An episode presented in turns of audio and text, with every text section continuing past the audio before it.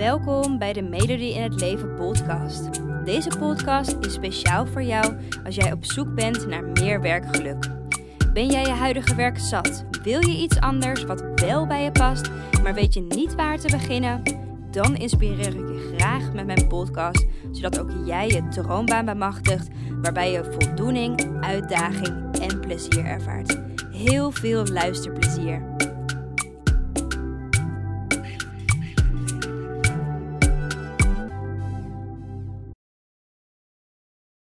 Hey, superleuk dat je weer luistert naar een nieuwe podcast. En vandaag wil ik uh, met je een onderwerp bespreken waar ik zelf behoorlijk tegen aangelopen ben en um, nog steeds wel eens lastig vind om, ja, om hiermee te dealen. En het onderwerp waar ik het over heb is mentale afwezigheid. Daar bedoel ik mee niet in het hier en nu kunnen leven, met je hoofd al in de toekomst zijn of in het verleden zijn. En dus eigenlijk op het moment niet kunnen genieten van de dingen die je doet. En mentale afwezigheid heb ik heel erg sterk ervaren op het moment dat ik vast zat in mijn werk. En dat was echt dat ik mijn werk zo ontzettend zat was dat ik met mijn hoofd al bezig was met welke dingen ik die avond nog zou gaan doen. Welke leuke dingen ik dat weekend had gedaan of wat ik die avond zou gaan eten. Eigenlijk allemaal soorten gedachten, wat dus niks met mijn werk te maken had op dat moment, eh, maar alles met mijn leven buiten het werk. En het gevolg daarvan was dat ik dus eigenlijk op mijn werk aanwezig was, fysiek, hè, met mijn lichaam was ik aanwezig, maar mentaal was ik eigenlijk gewoon niet daar. Mentaal ja, was ik totaal niet bezig met mijn werk. Terwijl dat natuurlijk wel verwacht wordt als je op het werk bent. En um, wat er dus vervolgens gebeurde bij mij, maar wat uh, bij ook anderen gebeurt, is als wij mentaal afwezig zijn op ons werk, is dat we gaan verzaken. Taken gaan we niet meer uh, goed genoeg uitvoeren. Uh, verantwoordelijkheden en afspraken um, worden misschien niet nagekomen. En hoe komt het nou? Dat komt omdat het door mentale afwezigheid um, ja, neemt die betrokkenheid richting je werk neemt af, waardoor je bepaalde taken gewoon niet meer doet. Um, dus ja, mentale afwezigheid, daar wil ik het vandaag met je over hebben. Um, mede omdat een van mijn uh, cliënten, een van mijn coachdames, die bij mij het coachtraject volgt, die liep hier ook heel erg tegenaan. Uh, en die bracht dit in dat ze op dit moment nog zo ja, dat ze aanwezig is op de werk, maar dat ze eigenlijk gewoon niet aanwezig is. Um, dat ze met haar hoofd echt totaal niet bij het werk was. En dat ze zich vervolgens ook eigenlijk wel schuldig voelt ten opzichte van haar collega's en leidinggevenden, omdat ze gewoon totaal niet meer betrokken is. Nou, waar komt mentale afwezigheid nou vandaan? Um, dit kan natuurlijk überhaupt allerlei soorten redenen hebben. Er kan zijn dat er iets privé bij je speelt waar je je zorgen om maakt. Of misschien heb je wel een ingrijpende gebeurtenis meegemaakt dat in je hoofd blijft rondspoken. Um, maar het kan ook te maken hebben met bijvoorbeeld een conflict dat je op het werk hebt gehad.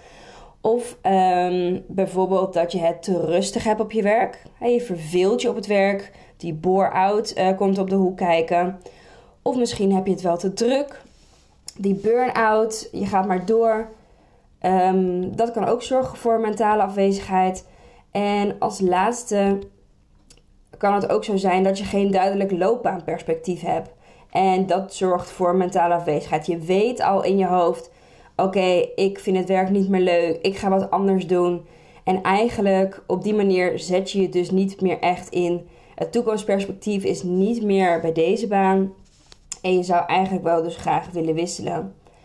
En um, die laatste, dat heb ik heel erg meegemaakt. ik wist op een gegeven moment: oké, ik verveel me in dit werk. Um, ik was gewoon echt niet meer uitgedaagd. Ik stond ook niet achter hoe de dingen geregeld werden.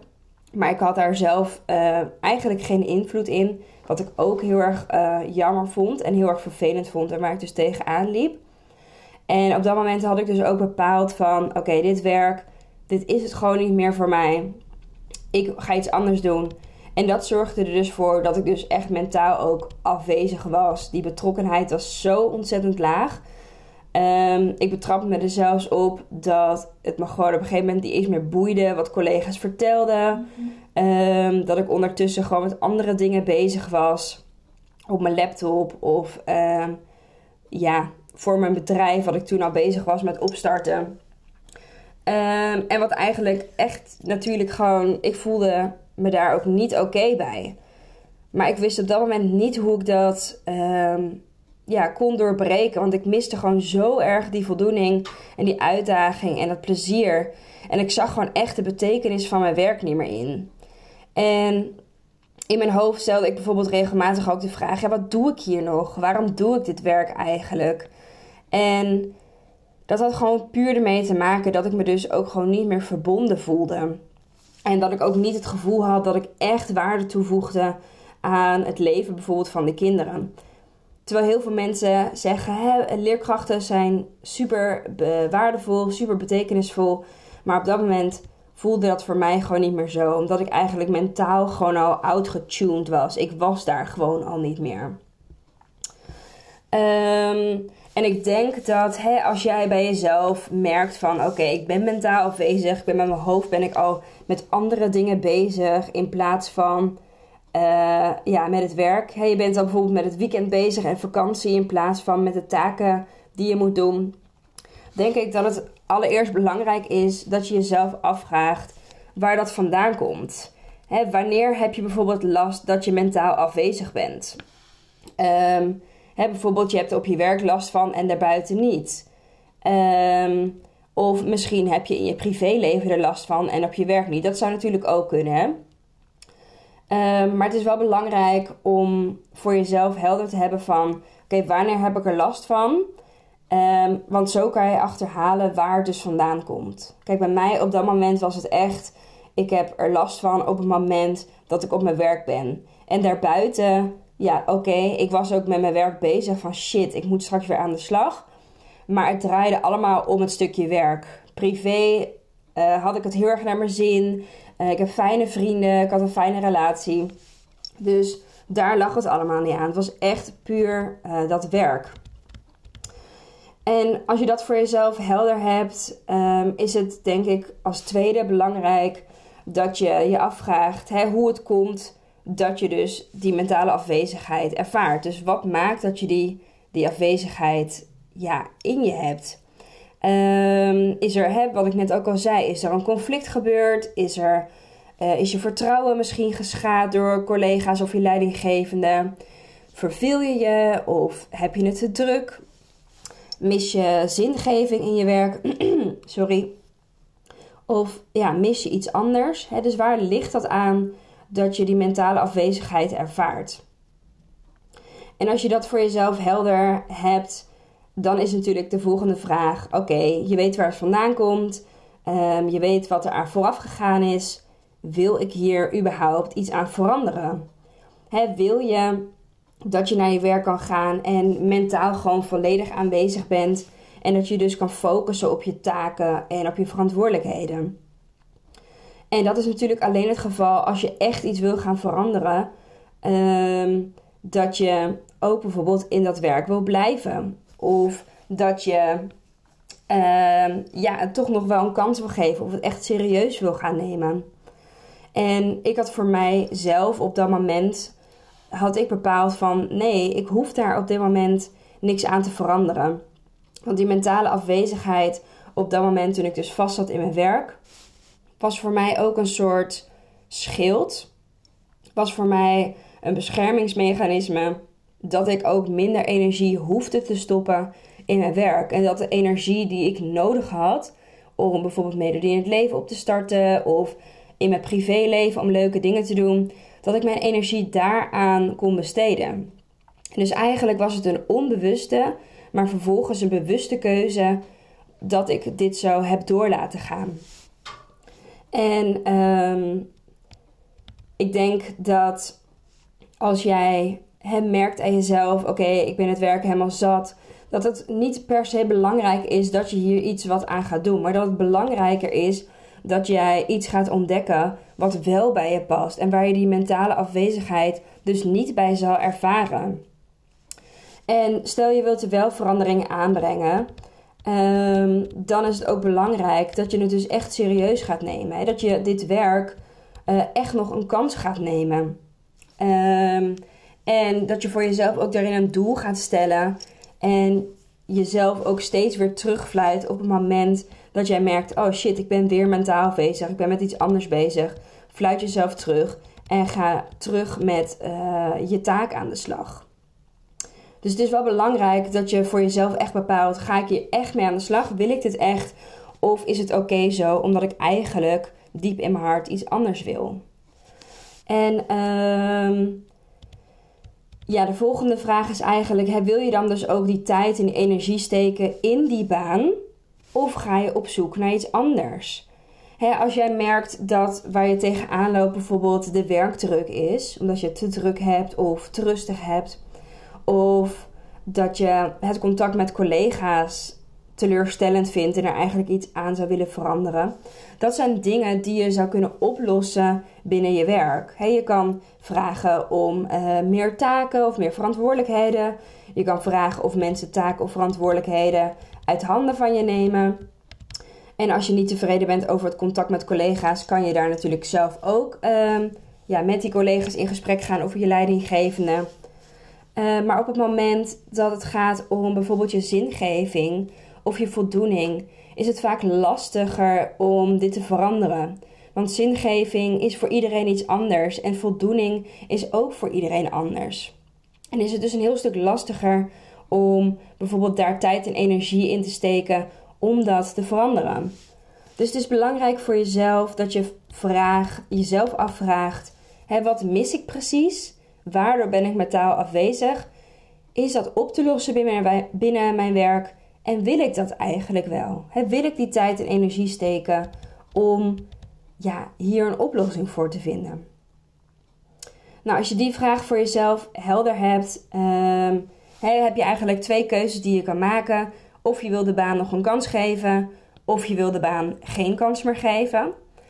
stel je wil de baan nog een kans geven, ehm, dan wil ik je aanraden om met je werkgever of je leidinggevende in gesprek te gaan. Um, want waardoor het vaak komt dat we bijvoorbeeld mentaal afwezig zijn, is dat de verwachtingen die jij zelf hebt ten opzichte van het werk, dat die niet overeenkomen met de realiteit.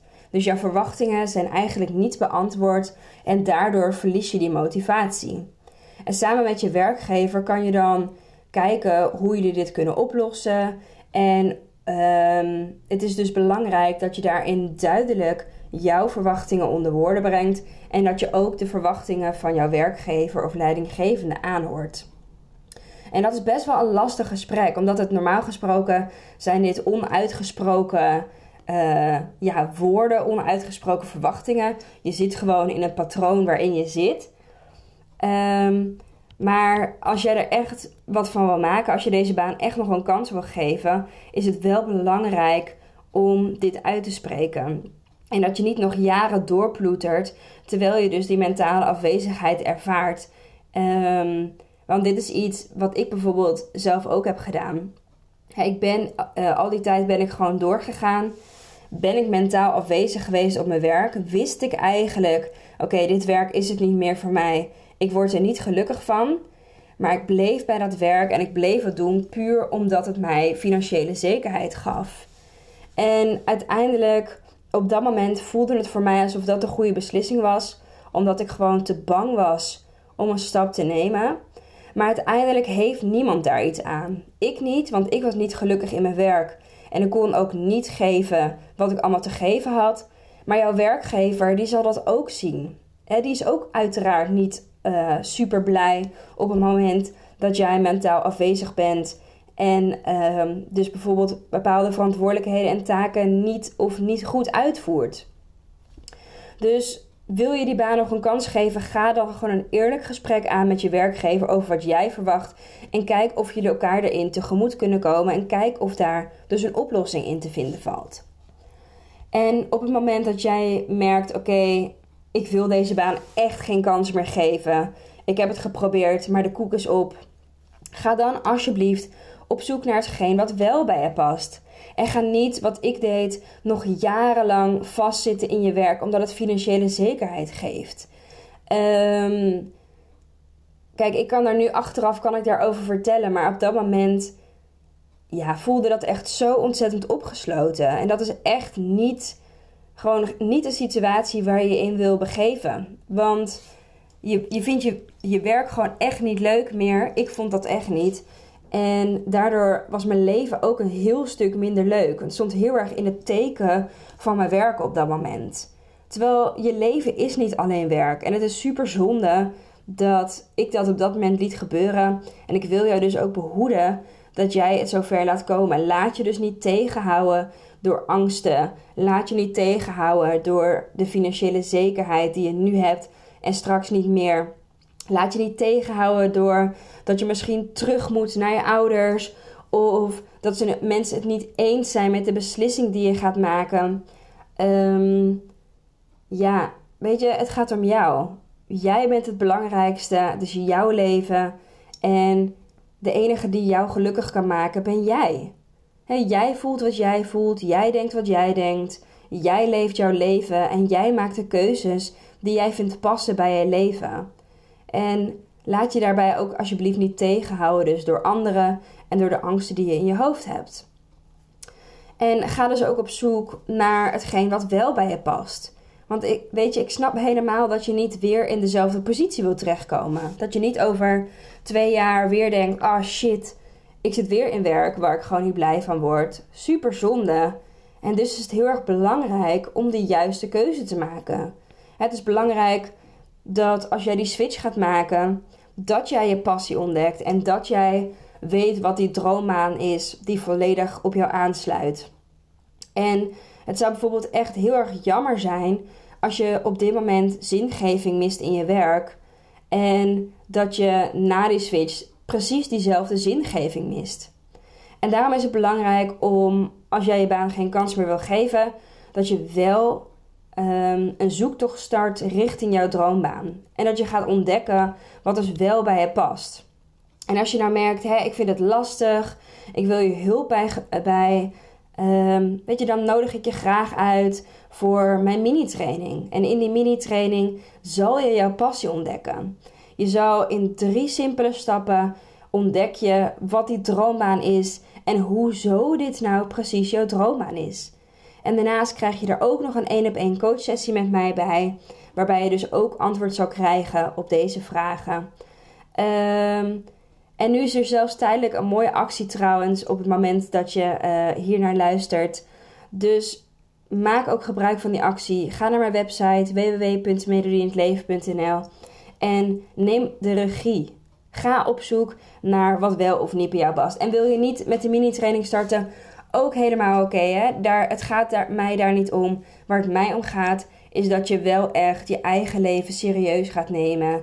En dat je je eigen geluk ook serieus gaat nemen.